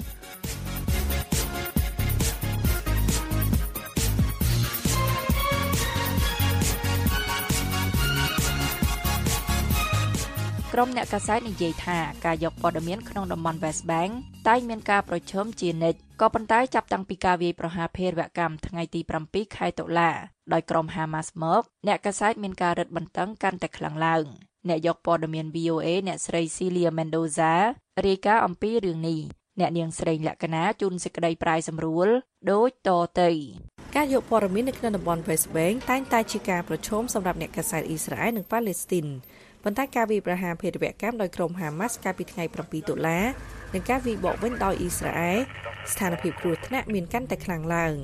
លោក Walid Al-Omari ប្រធានការិយាល័យឆ្លើយឆ្លងព័ត៌មានប្រចាំតំបន់ West Bank និងទីក្រុង Jerusalem របស់ទូរទស្សន៍ Al Jazeera បានថ្លែងថា It's dangerous for all the journalists not only for Al Jazeera journalists វាគ្រោះថ្នាក់សម្រាប់អ្នកកសែតទាំងអស់មិនគ្រាន់តែអ្នកកសែតទូរទស្សន៍ Al Jazeera ប៉ុណ្ណោះទេប៉ុន្តែយើងជាអ្នករងគ្រោះថ្នាក់ ព្រោះយើងសកម្មនឹងព្យាយាមយកព័ត៌មាននៅកាហ្សាទោះជាកន្លែងគ្រោះថ្នាក់ក្តីអ្នកកសែតខ្លះទៀតថាការរាយការណ៍ពីប្រតិបត្តិការយោធារងការរដ្ឋបិទខ្លាំងពីភាគីទាំងពីរអ្នកស្រី Anna Saragasti នាយិកាសេរីភាពសារព័ត៌មាននៃសហជីពអ្នកកសែតអ៊ីស្រាអែលបាននិយាយថា In general, it's it's challenging to cover uh, military operations in the West. ជាទូទៅការយកព័ត៌មានពីប្រតិបត្តិការយោធានៅ West Bank ពិបាកសម្បីតែតាំងពីមុនថ្ងៃ7តុលាពិសេសអ្នកកាសែតប៉ាឡេស្ទីននិងអ៊ីស្រាអែលអ្នកកាសែតអ៊ីស្រាអែលពិបាកចូលទៅតំបន់ដែលអាជ្ញាធរប៉ាឡេស្ទីនគ្រប់គ្រងការយកព័ត៌មានពីតំបន់ West Bank មានហានិភ័យខ្លាំងដោយប្រឈមការវាយប្រហារពីក្រុមតាំងទីលំនៅថ្មីនៅអ៊ីស្រាអែលនិងមន្ត្រីអនុវត្តច្បាប់ប៉ាឡេស្ទីននិងអ៊ីស្រាអែល លោក Nasser Abu Baker ប្រធានសមាគមអ្នកកាសែតប៉ាឡេស្ទីនបាននិយាយថា I, I released the stickers that I am ខ្ញុំបានបង្ហាញការសារព័ត៌មានពីឡានរបស់ខ្ញុំព្រោះកងទ័ពអ៊ីស្រាអែលនិងអ្នកតាំងទីលំនៅថ្មីមានគោលដៅវាយប្រហារលើឡានអ្នកកសែតរដ្ឋាភិបាលអ៊ីស្រាអែលបានបដិសេធថាខ្លួនមិនបានយកអ្នកកសែតធ្វើជាទីដៅនោះទេអ្នកនាំពាក្យក្រសួងការបរទេសអ៊ីស្រាអែលបានប្រាប់ VOA តាមអ៊ីមែលថា អ្នកកាសែតដែលត្រូវបានសម្លាប់មានចិត្តពាក់កណ្ដាលជាភេរវករ ប៉ុន្តែគណៈកម្មការឃ្លាំមើលនឹងការពារអ្នកកាសែតបានបញ្ជាក់ថាអ្នកកាសែតជាង85នាក់ដែលត្រូវបានសម្លាប់នៅក្នុងរយៈពេលសង្គ្រាម4ខែនេះសុទ្ធសឹងតែជាជនជាតិប៉ាឡេស្ទីនការធ្វើដំណើរដោយសេរីនៅក្នុងតំបន់ត្រូវបានរឹតបន្តឹងដោយមានប៉ុស្តិ៍ត្រួតពិនិត្យនិងការរឹតបន្តឹងការចូលទៅក្នុងតំបន់ West Bank លោក Walid Al-Omari ថ្លែងថា they targeting គេមានគោលដៅលើអ្នកកសែតប៉ាឡេស្ទីនគេក៏មានគោលដៅលើក្រុមគ្រួសារពួកគេនិងធ្វើឲ្យជីវិតពួកគេជួបការលំបាកផងដែរអ្នកកសែតប៉ាឡេស្ទីនខ្លះបានត្រៀមផែនការនៅក្នុងគ្រាអាសន្នដើម្បីជួយក្រុមការងារធ្វើការក្រោមស្ថានភាពមានចំនួនទោះជាយ៉ាងនេះក្តីក៏អ្នកកាសែតអ៊ីស្រាអែលផ្ដោតទៅលើចំណាត់ខ្មាំងដែលកំពុងស្ថិតនៅក្នុងដៃក្រុមហាម៉ាស់និងការវិប្រហាររបស់ក្រុមនេះកាលពីថ្ងៃ7តុលាដែលបានសម្លាប់មនុស្ស1200នាក់ អ្នកស្រី Sarah Gasti ថាអ្នកកាសែតអ៊ីស្រាអែលត្រូវបានរំពឹងពីការយកព័ត៌មាននៅក្នុងខ្លឹមសារស្នេហាជាតិពីសំណាក់ទស្សនិកជនរបស់ពួកគេ I can tell you that the audience uh, really want the journalists to rally around the flag ខ្ញុំអាចប្រាប់ថាទស្សនិកជនចង់ឃើញអ្នកកាសែតយកព័ត៌មានពីប្រទេសជាតិពួកគេនិងមិនចង់ឃើញការរិះគន់ឡើយពួកគេមិនបើកចំហនិងមិនចង់ឃើញព័ត៌មានពីខាងក្រៅនោះទេ ពេលនេះគេមិនចង់ឃើញរឿងវិបត្តិមនុស្សធម៌ក្នុងតំបន់ហ្គាហ្សាឡើយគេមិនខ្វល់និងមិនចង់ដឹងឮពីរឿងនេះទេគេនៅតែផ្ដោតខ្លាំងលើភាពមហន្តរាយក្រោយការវាយប្រហារថ្ងៃ7តុលាអ្នកយកព័ត៌មានទាំងនេះខុសពីអ្នកកាសែតអន្តរជាតិដោយកងកម្លាំងអ៊ីស្រាអែលជាអ្នកអនុញ្ញាតឲ្យចូលទៅក្នុងតំបន់កាហ្សានោះក្រុមអ្នកកាសែតទាំងនេះបានស្នើសុំចូលដោយផ្ទាល់ដើម្បីយកព័ត៌មានពីសង្គ្រាមនៅក្នុងតំបន់នោះពីរដ្ឋធានី Washington ខ្ញុំស្រីលក្ខិណា VOA លោកអ្នកនាងកំពុងតែស្ដាប់កម្មវិធីផ្សាយរបស់ VOA ពីរដ្ឋធានី Washington នៅក្នុងពេលសម្ពោធក្រុមការងារសភាស្ដីពីជនរងគ្រោះកុម្មុយនីចម្រុះបកសមាជិកសភាសហរដ្ឋអាមេរិកមួយចំនួន បានបដិញ្ញាថានឹងរារាំងឥទ្ធិពលកុម្មុយនីដែលធ្វើឲ្យមនុស្សជាង100លានអ្នកស្លាប់និងជាង1000លានអ្នករស់នៅគ្មានសេរីភាពលោកសុកខេមរានៃ VOA ដែលបានចុះយកព័ត៌មានដោយផ្ទាល់នៅសភាសហរដ្ឋអាមេរិកនៅពេលមានការពិភាក្សានិងធ្វើបទបង្ហាញអំពីការបដិញ្ញាចិត្តរួមគ្នារបស់សមាជិកសភាមួយចំនួនដើម្បីប្រយុទ្ធប្រឆាំងនឹងរបបកុម្មុយនីមានសេចក្តីរាយការណ៍អំពីរឿងនេះពីរដ្ឋធានី Washington ដូចតទៅ រំលឹកដល់ការស្លាប់របស់ជនរងគ្រោះជាង100លាននាក់និងមនុស្សជាង1000លាននាក់កំពុងរស់នៅក្រោមឥទ្ធិពលកុម្មុយនីសក្នុងប្រទេសជាច្រើនរាប់ទាំងចិនកូរ៉េខាងជើងវៀតណាមនិងគុយបាផងនោះក្រុមសមាជិកសភាអាមេរិកបានបដិញ្ញាថានឹងព្យាយាមទប់ស្កាត់ឥទ្ធិពលកុម្មុយនីសមិនឲ្យបន្តរីករាលដាលនៅសហរដ្ឋអាមេរិកនិងក្នុងពិភពលោកនោះទេការថ្លែងយ៉ាងដូចនេះគឺនៅចំពេលដែលក្រុមការងារសភាស្ដីពីជនរងគ្រោះកុម្មុយនីស សម្ពោធបើកដំណើរការនិងមានការពិភាក្សាអំពីការលើកកម្ពស់ការយល់ដឹងអំពីការស្លាប់មនុស្សជាង100លាននាក់ដោយសាររដ្ឋាភិបាលកុម្មុយនីសក្នុងសតវត្សទី20និងបង្ហាញពីកេរដំណែលរបស់កុម្មុយនីសដែលធ្វើឲ្យប៉ះពាល់ដល់ពលរដ្ឋរាប់លាននាក់ក្នុងប្រទេសជាច្រើនដែលប្រកាន់លទ្ធិកុម្មុយនីសកម្មវិធីដែលប្រព្រឹត្តនៅអាគារទទួលភ្ញៀវសភាសហរដ្ឋអាមេរិកកាលពីថ្ងៃពុធទី14កុម្ភៈឆ្នាំ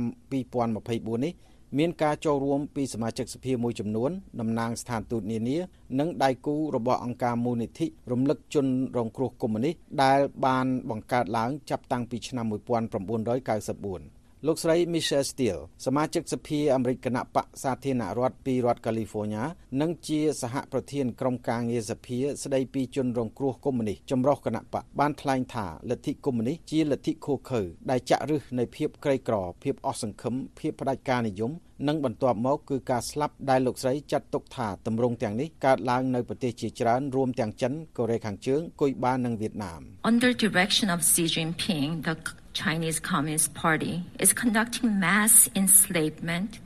ក្រោមការដឹកនាំរបស់លោកស៊ីជីនពីងគណៈបកកុម្មុយនីចិនកំពុងធ្វើទាសភាពទ្រង់ទ្រីធំនឹងការប្រឡាយពូជសាសន៍ជាប្រព័ន្ធនិងសាសនាផ្សេងទៀតដូចជាគ្រឹះសាសនា និងអ៊ីស្លាម និងជនជាតិភាគតិចលោកស្រីបានថ្លែងបន្តទៀតថា Kim Jong Un represses North Koreans forcing them to suffer the indignities លោកគីមចុងអ៊ុនគៀបសង្កត់ប្រជាជនកូរ៉េខាងជើងដោយបង្ខំឲ្យពួកគេរងទុក្ខវេទនានៃភាពក្រីក្រ និងភាពអត់ឃ្លានដែលមិនអាចគេចផុតបានខណៈពេលដែលលោកនិងមេដឹកនាំដែលត្រូវបានជ្រើសរើសដោយលោកគីមរស់នៅហ៊ឺហាលើគំនរទ្រព្យសម្បត្តិនិងគម្រាមធ្វើសង្គ្រាមនុយក្លេអ៊ែរលោកស្រីបានបញ្ជាក់បន្ថែមទៅលើប្រទេសមួយចំនួនទៀតរួមទាំងការតាំងចិត្តដែលថា Communist regimes across the world from Vietnam to Cuba subject their populations to persistent របបកុម្មុយនីសនៅទូទាំងពិភពលោកចាប់ពីប្រទេសវៀតណាមរហូតដល់ប្រទេសគុយបាបានដាក់ប្រជាជនរបស់ពួកគេឲ្យរងទុក្ខវេទនាជាបន្តបន្ទាប់និងគួរឲ្យរន្ធត់យើងគោរពដល់ជនរងគ្រោះនៃកុម្មុយនីសពីអតីតកាលដោយរារាំងជនផ្ដាច់ការដ៏អាក្រក់កុំឲ្យមនុស្សខ្លាចជាជនរងគ្រោះកាន់តែច្រើននៅសប្តាហ៍ថ្ងៃនេះនិងទៅអនាគត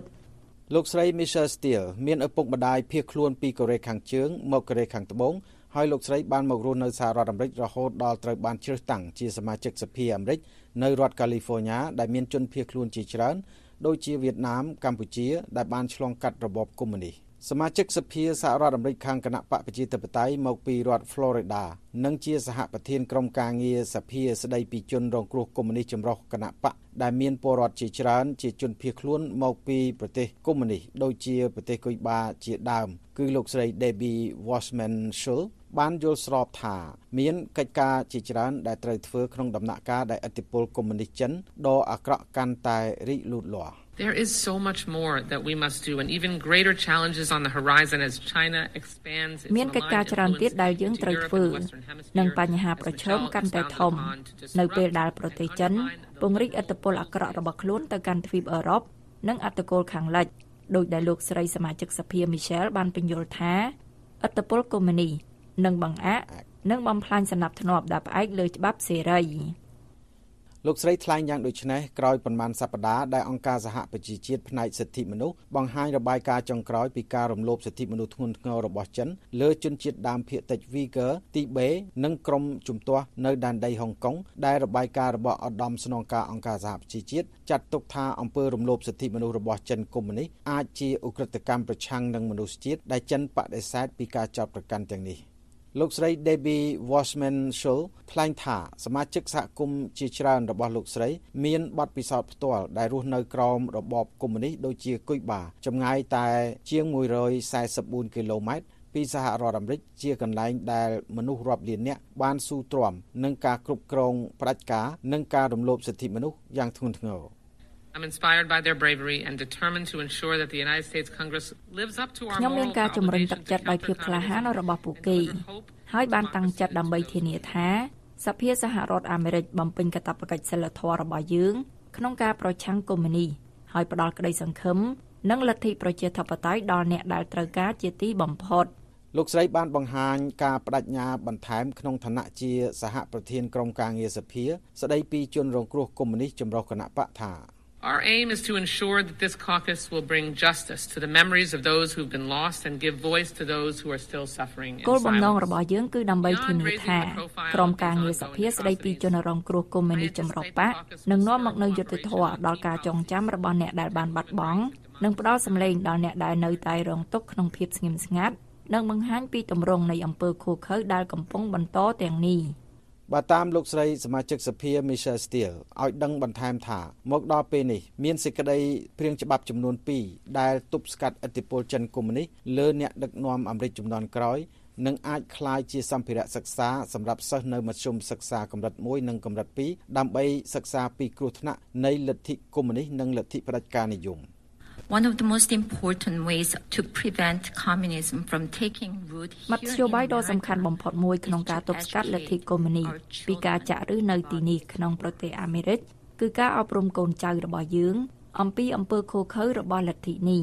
ក្នុងចំណោមសាកសីជាជនរងគ្រោះនៃរបបកុម្មុយនីសនៅក្នុងកម្មវិធីមាននាង Nuriman Abdul Rashid ជនជាតិដើមភាគតិច Uyghur ម្នាក់នៃប្រទេសចិនក្នុងកម្មវិធីពិភាក្សាអំពីជនរងគ្រោះដោយកុម្មុយនីសនិងសម្ពោធបើកដំណើរការក្រុមការងារសភា ស្ដីពីជនរងគ្រោះកុម្មុយនីសនាងបានបង្ហាញរូបថតឪពុកម្ដាយនិងប្អូនប្រុសនាងពីរនាក់ដែលនាងចោទប្រកាន់ថាអាញាធរចិនកុម្មុយនីសចាប់ឃុំខ្លួនដោយខុសច្បាប់ដោយមិនដឹងមូលហេតុ តាំងពីឆ្នាំ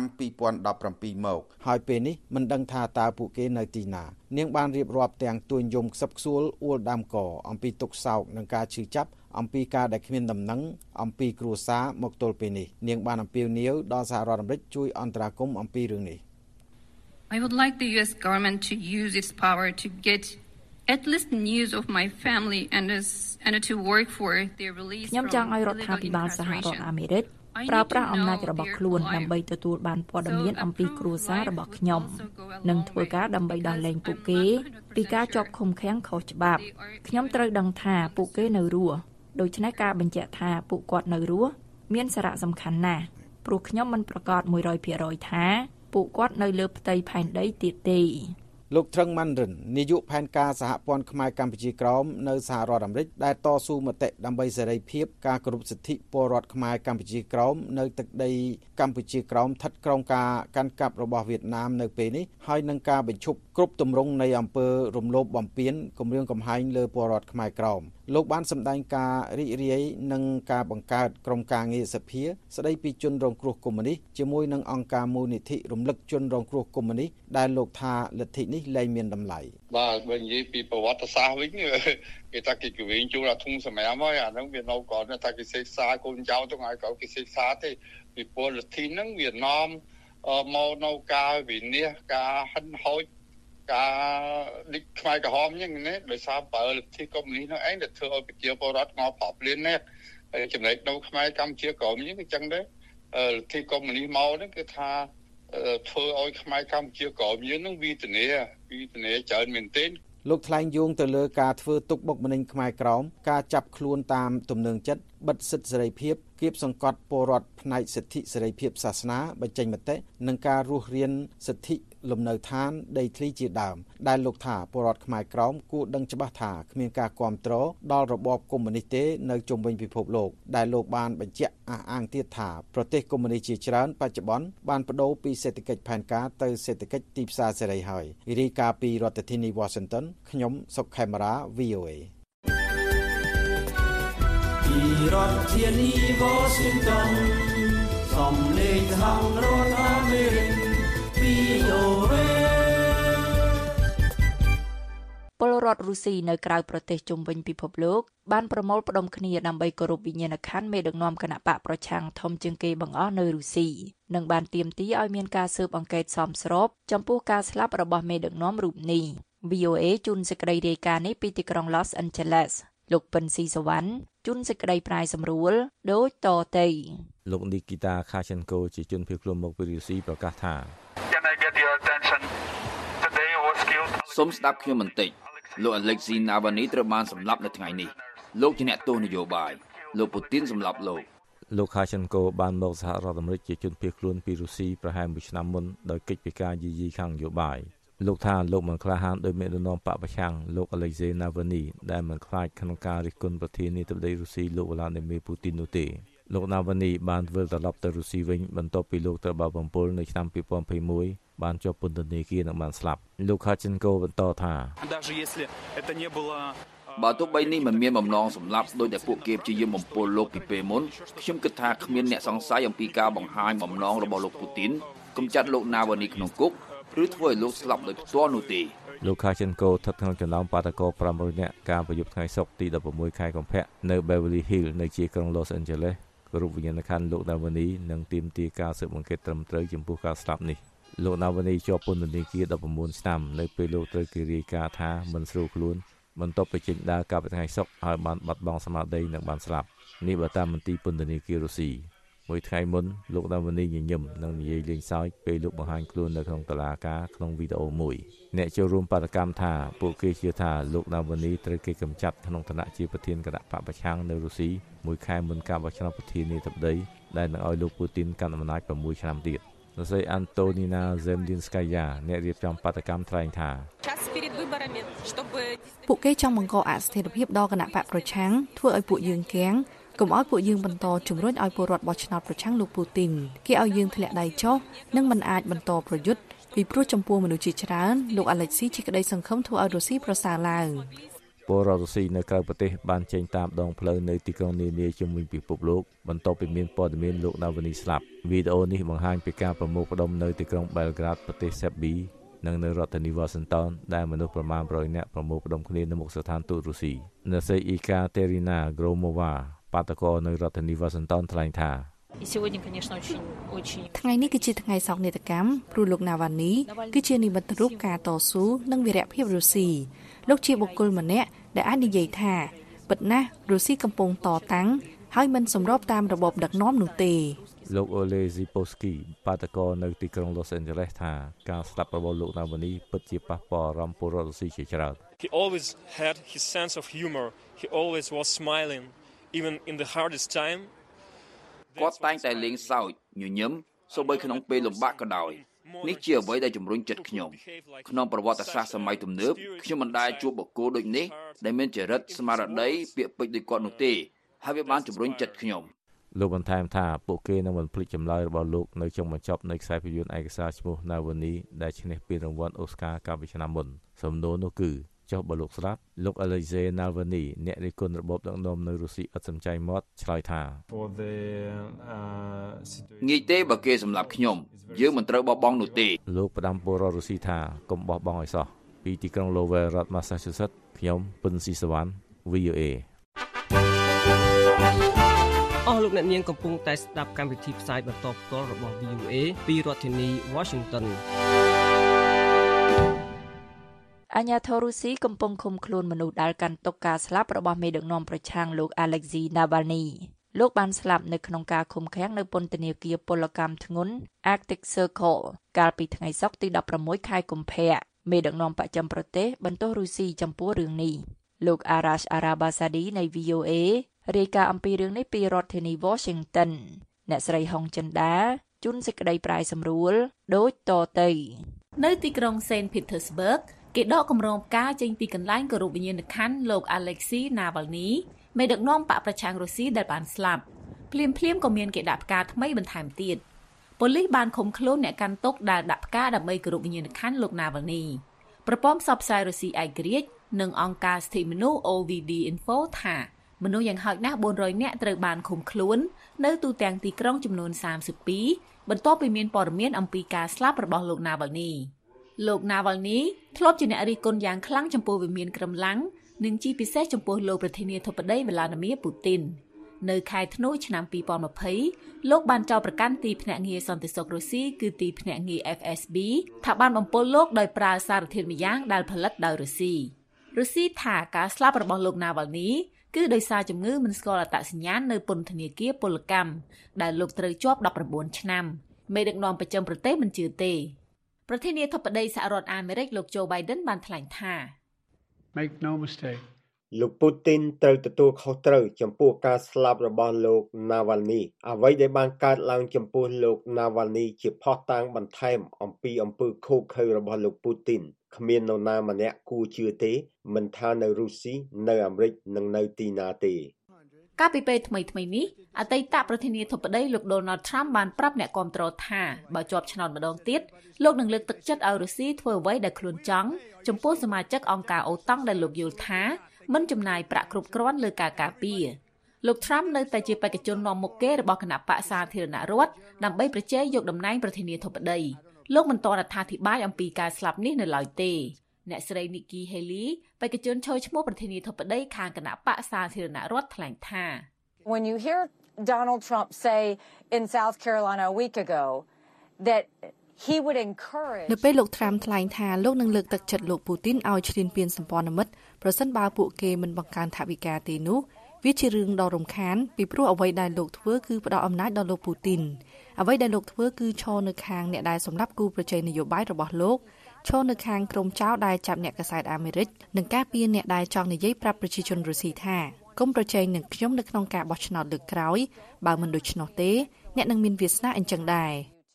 ក្នុងកិច្ចប្រជុំថ្មីថ្មីនេះនៅទីក្រុងមួយនិចរដ្ឋមន្ត្រីការបរទេសមកពីក្រមប្រទេសឧស្សាហកម្មឈានមុខទាំង7ស្មឹងស្មាតមួយនាទីដើម្បីនឹកដល់លោក Navalny នៅក្រៅកិច្ចប្រជុំនោះប្រធានគណៈកម្មការអឺរ៉ុបអ្នកស្រី Ursula von der Leyen បានចូលរួមរំលែកទុក្ខដល់ភរិយាលោក Navalny ខណៈដែលក្រុមបាតកោបានដាក់ផ្កានិងសម្បត្តិនានានៅជិតស្ថានទូតរុស្ស៊ីនៅទីក្រុងឡុងប្រជាជននៅទីក្រុងមូស្គូក៏ធ្វើអញ្ចឹងដែរដោយហៅលោក Navalny ថាជាវីរៈបុរសដែលតស៊ូដើម្បីសេរីភាពពីរដ្ឋធានី Washington ខ្ញុំហុងចិន្តា VOA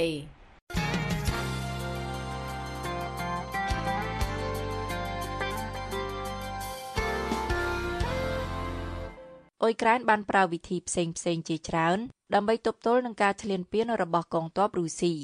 វិធីថ្មីចុងក្រោយមួយគឺការបង្វឹកសត្វសុនក់ឲ្យអមដំណើរទាហានអ៊ុយក្រែនក្នុងបេសកកម្មរបស់ពួកគេ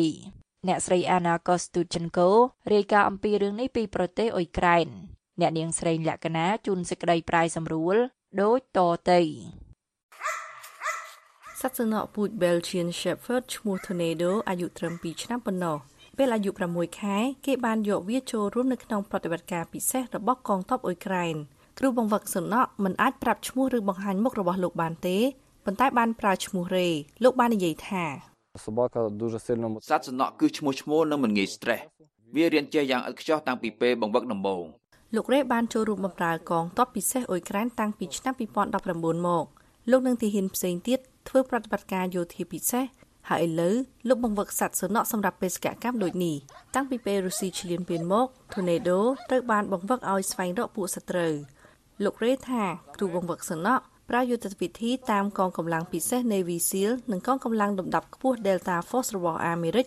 ដែលប្រើសុនក់នៅក្នុងបេសកកម្មប្រយុទ្ធការវឹកហាត់សម្រាប់សុនក់គឺពិបាកហើយត្រូវការពេល6ខែពេល Tornado ធ្វើបេសកកម្មវាចូលក្នុងអាគីហើយត្រូវបានបង្វឹកឲ្យវាយប្រហារអ្នកដែលវាឃើញមុនគេ និងអ្នកដែលមានអាវុធវិធីតែមួយគត់ដើម្បីឲ្យសត្វសុនក់បបង់ចោលទីដៅគឺយកវាចេញគ្រូបង្វឹកថាទោះ Tornado អាចបង្កគ្រោះថ្នាក់ពេលបំពេញបេសកកម្មក៏ដោយក៏នៅថ្ងៃធម្មតាវាមានវិន័យនិងមិនបង្កគ្រោះថ្នាក់ដល់សង្គមឡើយប៉ុន្តែលោករេថាសត្វសុនក់ទាំងនេះរស់នៅជិតស្និទ្ធជាមួយទាហានដែលនេះគឺជាផ្នែកមួយនៃការបង្វឹកវិជាការចាំបាច់ដែលត្រូវបង្វឹកសំណក់ក្នុងក្រុមដូចគ្នាដែលនឹងទៅបំពេញបេសកកម្មព្រោះបើគ្រូបង្វឹកសំណក់នោះមានរបួស សំណក់នោះនឹងអនុញ្ញាតឲ្យសមាជិកផ្សេងទៀតជួយបញ្ជូនគ្រូបង្វឹកនោះទៅព្យាបាលបើមិនដូច្នេះទេវាអាចនឹងវាយប្រហារនិងរារាំងជំនួយសង្គ្រោះ Tornado មិនទាន់ចូលរួមនៅក្នុងបេសកកម្មប្រយុទ្ធនៅឡើយទេប៉ុន្តែកាលពីខែតុលាឆ្នាំមុនវាបានទទួលរង្វាន់ព្រោះធ្វើការងារបានល្អនៅក្នុងស្ថានភាពមានផ្សែងនិងពោពេញទៅដោយគ្រឿងផ្ទុះក្រោមការបញ្ជារបស់កងទ័ពអ៊ុយក្រែនពីរដ្ឋធានី Washington ខ្ញុំស្រីលក្ខិណា VOA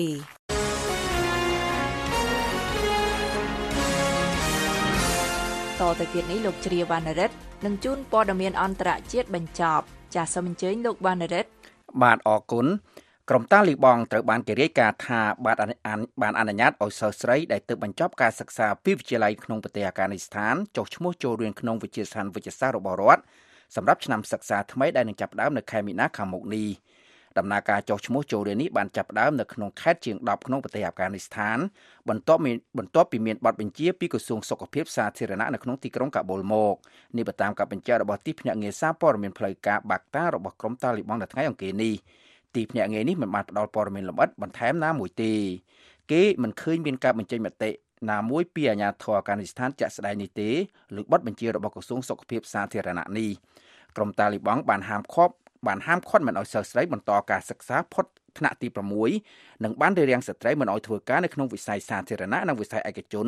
តាំងពីក្រុមនេះបានឡើងកាន់អំណាចនៅក្នុងប្រទេសអាហ្គានីស្ថាននៅខែសីហាឆ្នាំ2021មក Voice of America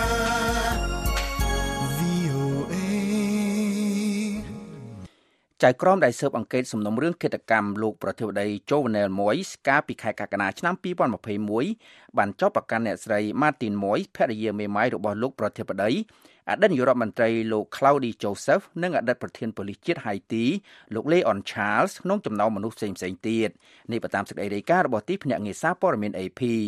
លោក Charles ដែលឥឡូវនេះធ្វើជាតំណាងអចិន្ត្រៃយ៍របស់ប្រទេសហៃទីប្រចាំនៅអង្គការបណ្ដារដ្ឋអាមេរិកបានប្រឈមការចោទប្រកាន់ដ៏ខ្លាំងបំផុត ដ៏ខ្លាំងបំផុតរួមមានការធ្វើឃាតខណៈនោះដែរអ្នកស្រី Martin Moyes និងលោក Joseph បានរងការចាប់ប្រកាន់ពីបទសំគំនិតនិងគូគន់ប្រព្រឹត្តបទល្មើសព្រហ្មទណ្ឌលោក Charles មិនទាន់អាចតាក់ទងបានភ្លាមភ្លាមដើម្បីធ្វើអត្ថាធិប្បាយទេលោក Joseph បានចោទបានច្រានចោលការចាប់ប្រកាន់ទាំងនោះហើយបានចាប់ប្រកាន់យុរដ្ឋមន្ត្រីនាពេលបច្ចុប្បន្ននេះថាបានប្រើប្រព័ន្ធយុតិធធធ្វើជាអាវុធចាក្រមបានចេញរបាយការណ៍របស់លោកកាលពីថ្ងៃច័ន្ទក្នុងរឿងដាច់ដライមួយទៀត កសិករឥណ្ឌាបានបោះជំរំនៅខាងក្រៅរដ្ឋធានី New Delhi បានបានចានចោលសំណើរបស់រដ្ឋាភិបាលថ្នាក់ជាតិអំពីកិច្ចសន្យាធានាតម្លៃសម្រាប់កសិផលរបស់ពួកគេរដ្ឋាភិបាលឥណ្ឌាបានផ្ដល់ជូនកសិករនៅកិច្ចសន្យារយៈពេល5ឆ្នាំសម្រាប់ធានាតម្លៃកសិផលជាច្រើនដូចជាសណ្ដែកធញ្ញជាតិស្ងួតពោតនិងកាក់បាសជាដើម ដែលនឹងចំណាយដោយសហគមន៍ដែលរដ្ឋាភិបាលគ្រប់គ្រងកសិករបានបញ្ជាក់ថាពួកគេនឹងបន្តឡើងវិញនៅការដើរក្បួនតវ៉ាក្នុងទីក្រុង New Delhi នៅថ្ងៃពុធស្អែក ការដើរក្បួនតវ៉ានេះបានចាប់ផ្ដើមកាលពីសប្តាហ៍មុនដែលដឹកនាំដោយកសិករមកពីរដ្ឋប៉ាន់ចាប់និងរដ្ឋ Haryana នៅភាគខាងជើងដែលជារដ្ឋដែលគេស្គាល់ថាជាជង្រុកស្រូវនិងធញ្ញជាតិរបស់ឥណ្ឌាតាក់ទងនឹងរឿងអ៊ីស្រាអែលនិងក្រុមហាម៉ាស់ឯនោះវិញយោធាអ៊ីស្រាអែល បានរាយការណ៍នៅថ្ងៃអង្គារនេះអំពីការប្រយុទ្ធគ្នាដ៏ខ្លាំងក្លានៅក្នុងតំបន់ទីក្រុង Khan Yunis និងតំបន់ហ្គាហ្សាស្របពេលដែលក្រុមប្រឹក្សានសុខអង្គការសហប្រជាជាតិត្រៀមបោះឆ្នោតលើសេចក្តីសម្រេចមួយដែលព្រៀងឡើងដោយប្រទេសអាល់ហ្សេរីដើម្បីអំពាវនាវឲ្យមានបទជប់បាញ់គ្នាជាបន្ទាន់ការបង្កើនលទ្ធភាពទទួលបានជំនួយនិងការប្រឆាំងនឹងការបង្ខំឲ្យជនជាតិប៉ាឡេស្ទីនផ្លាស់ទីអគ្គរដ្ឋទូតសារ៉ានវិចប្រចាំអង្គការសហប្រជាជាតិអ្នកស្រី Linda Thomas Linda Thomas Greenfield បាននិយាយថាសហរដ្ឋអាមេរិកនឹងប្រើសិទ្ធិវេតូប្រឆាំងរបស់ខ្លួននៅក្រមប្រឹក្សាសន្តិសុខអង្គការសហប្រជាជាតិដើម្បីរារាំងសេចក្តីសម្រេចនេះអ្នកស្រីថាសេចក្តីសម្រេចនេះអាចប៉ះពាល់ដល់កិច្ចប្រឹងប្រែងចម្រុះអាចអាចប៉ះពាល់ដល់កិច្ចប្រឹងប្រែងសម្រុះសម្រួលចំនួននៅមុនការបោះឆ្នោតរបស់ក្រុមប្រឹក្សាសន្តិសុខអង្គការសហប្រជាជាតិនេះ សហរដ្ឋអាមេរិកបានចែកចាយសេចក្តីព្រៀងសេចក្តីសម្រេចរបស់ខ្លួនផ្ទាល់ទៅកាន់សមាជិកក្រុមប្រឹក្សានេះសេចក្តីព្រៀងសេចក្តីសម្រេចរបស់សហរដ្ឋអាមេរិកនេះដែល VOA ទទួលបានបានសង្កត់ធ្ងន់លើការដោះលែងចំណាប់ខ្មាំងដែលក្រុមហាម៉ាស់ចាប់ឃុំនិងបានបញ្ជាក់អំពីតម្រូវការបន្ទាន់នៅផែនការដែលអាចធ្វើបានមួយដើម្បីការពារជនស៊ីវិលពីការវាយប្រហាររបស់អ៊ីស្រាអែលនៅក្នុងទីក្រុងរ៉ាហ្វានៅភាគខាងត្បូងតំបន់ហ្គាហ្សា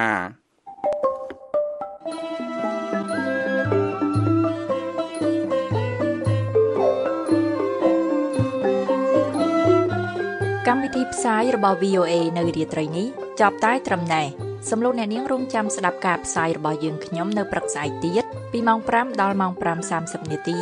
តាមរលកវិទ្យុ31និង49ម៉ែត្រត្រូវនឹងកម្រិត9320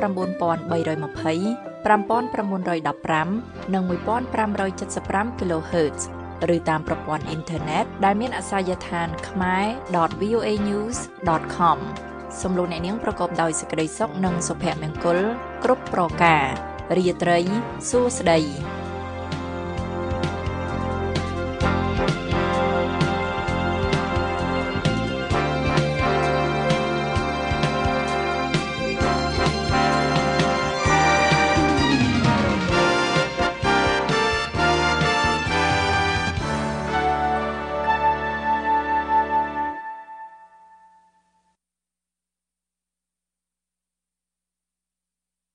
This program has come to you from the Voice of America, Washington.